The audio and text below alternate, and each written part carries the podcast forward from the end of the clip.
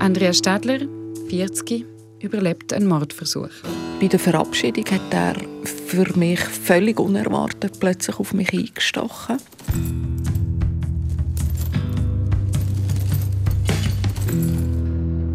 Podcast. Herzlich willkommen im Podcast. Wobei, heute gehen wir nicht ins Gefängnis selber, sondern zu jemandem, wo sich wohl so ein modernes Gefängnis wie das neue Gefängnis in Gazis in Nähe gewünscht hätte.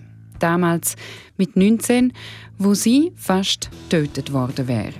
Mein Name ist Sabrina Bundi und heute haut es mich fast vom Stuhl, wo mir mein Gast, Andrea Stadler aus dem Prättigau, vom Mordversuch erzählt, wo sie überlebt hat. Ich bin ihr sehr dankbar dafür, weil es ist wirklich nicht ein Kaffeekränzli-Gespräch. Wir duzen uns im Gespräch, weil wir schon ein paar Mal beruflich zusammengekommen sind. Sie ist heute nämlich Juristin und Stiftungspräsidentin vom Frauenhaus Graubünden. Und da ist ihre Geschichte. Ich bin daheim mein Ex-Partner auf Besuch. Und wir hatten an diesem Abend keine Auseinandersetzung, nichts. Wir haben zusammen zur Nacht gegessen, der gemeinsame Sohn ins Bett. Und ähm, haben noch Musik gelassen, ein paar CDs angeschaut, die neu rausgekommen sind. Und bei der Verabschiedung hat er für mich völlig unerwartet plötzlich auf mich eingestochen. Und ich, ich, ich sehe sehr schlecht, ich hatte eine Brille an und diese Brille ist irgendwie beim ersten Schlag oder beim ersten Stich ist die weggeflogen. Und ich habe auch nicht wahrgenommen, was genau passiert ist. Ich habe irgendwie gemeint, ich werde verprügelt und habe dann erst im Nachhinein gemerkt, dass ich blühte und dass er offenbar ein Stichwerkzeug in der Hand hatte. Das Stichwerkzeug war ein Aale. Das Werkzeug, das man braucht, zum Beispiel zum Löcher in einen Lederriemen zu bohren. Die Aale hat er dabei. Aber bis heute weiss Andrea Stadler nicht, warum er die dabei hat und ob er den Angriff auf sie also geplant hat oder aus einem Impuls gehandelt hat. Andrea Stadler ist zusammengefallen, direkt neben dem Telefon. Das war eigentlich mein Glück, weil ich direkt neben dem Telefon liegen geblieben bin. konnte ich meinen Eltern anrufen, die im gleichen Dorf gewohnt haben und die sind sofort gekommen. Und er ist dann ab und davon? Er ist weg. Er ist mit dem Auto davon gefahren und ist dann offenbar, das habe ich dann im Nachhinein erfahren, etwa ein bis zwei Stunden in der Gegend herumgefahren. Und die Polizei hat ihn angehalten, weil er neu bei einem Abbiegeverbot falsch abgebogen ist. Und weil er irgendwie ein bisschen durcheinander war, haben sie ihn gefragt, was denn los ist. Und dann hat er gefunden, ja, er hat jetzt gerade seine Freundin umgebracht.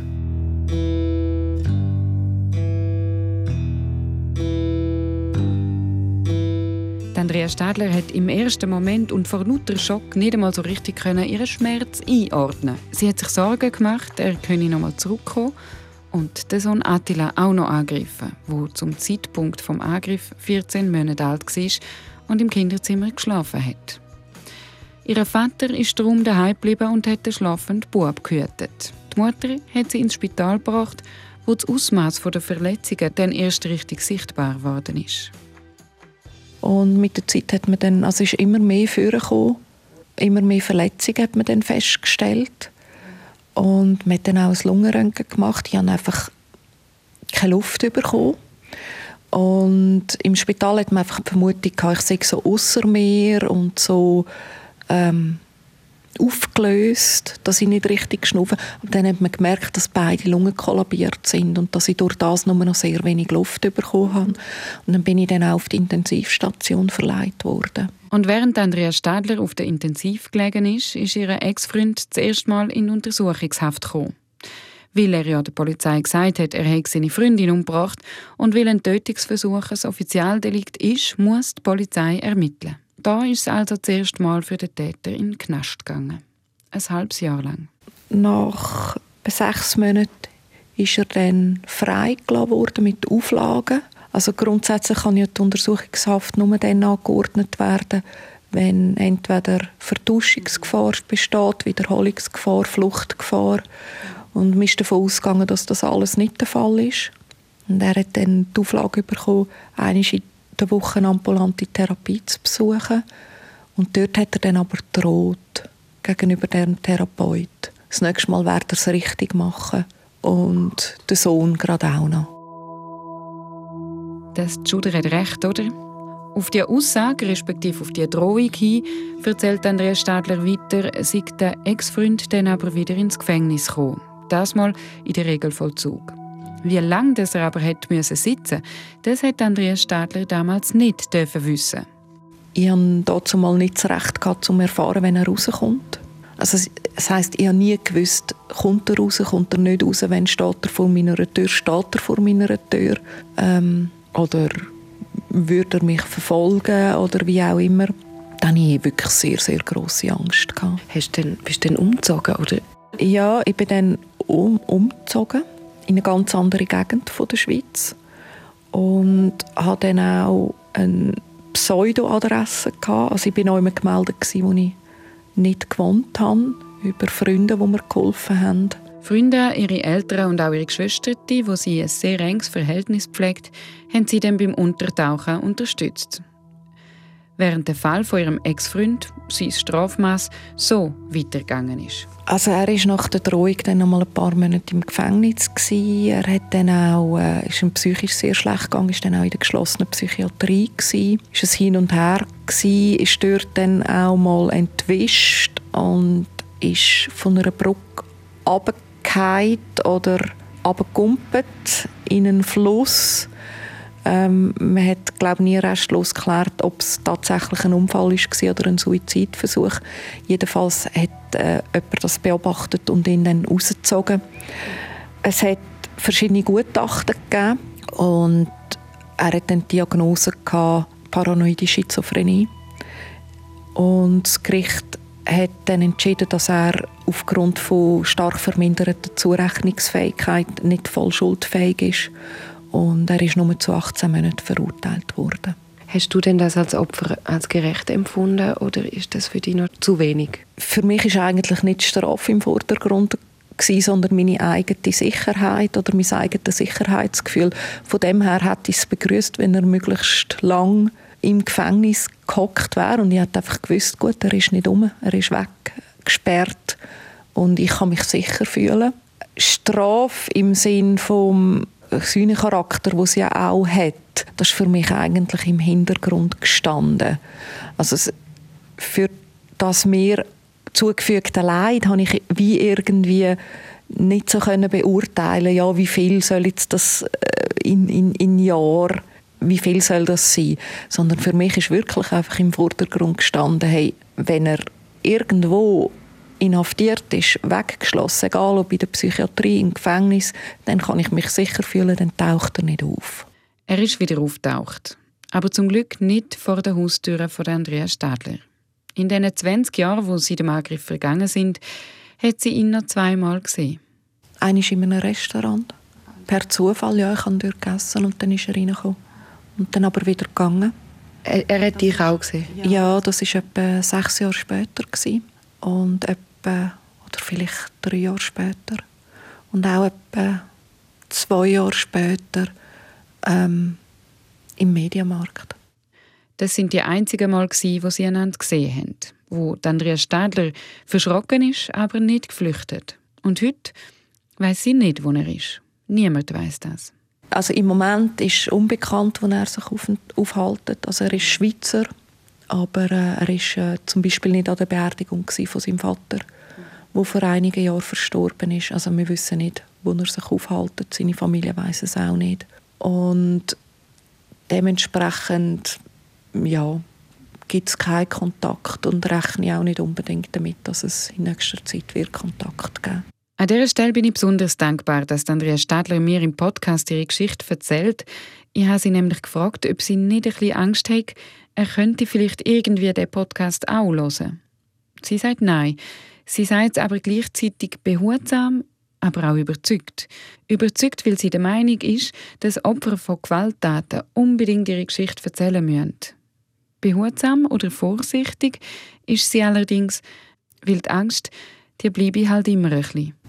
Das ist etwas, das immer bleibt. Also man schaut die Leute an, wenn man unterwegs ist wenn jemand einen ähnlichen Gang hat oder eine ähnliche Postur oder irgendwie ähnlich aussieht, schaut man genau an. Und in gewissen Situationen schaut man auch hinter sich.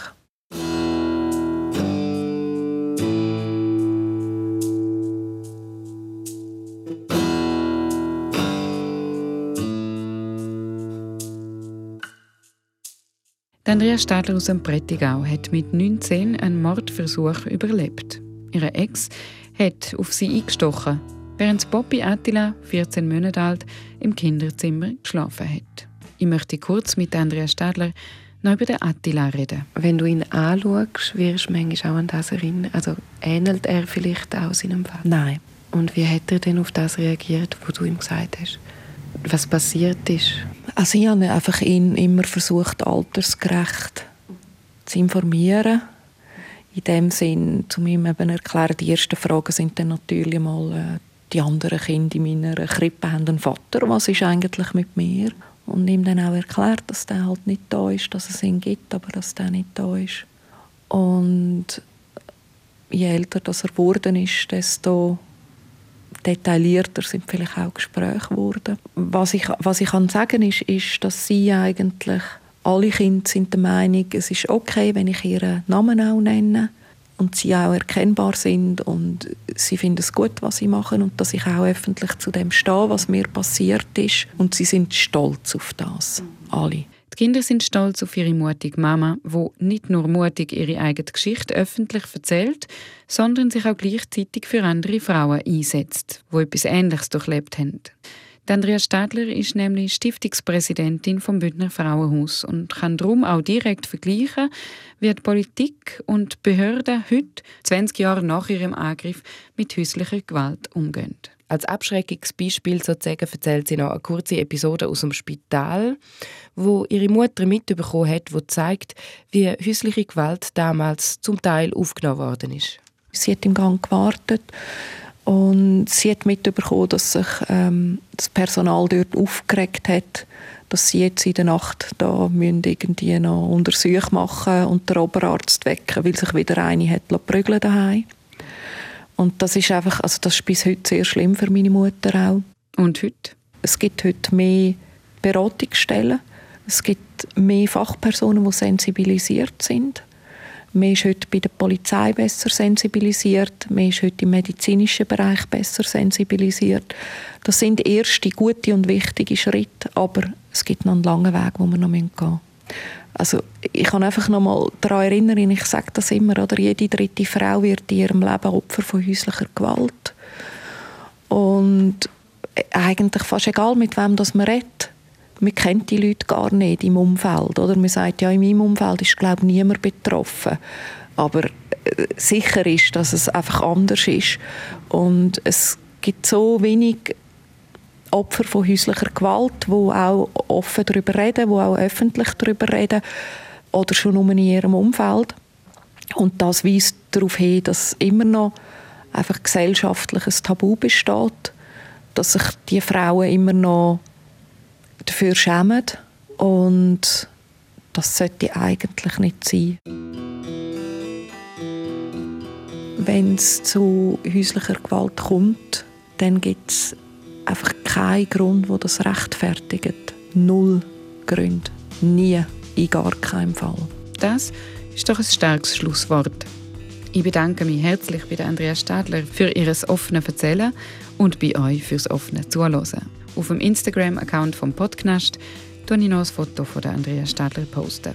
Wenn ihr wollt, könnt ihr mir oder ihr auch dort eine Nachricht schreiben, die ich dann weiterleite. Also wenn es schön ist.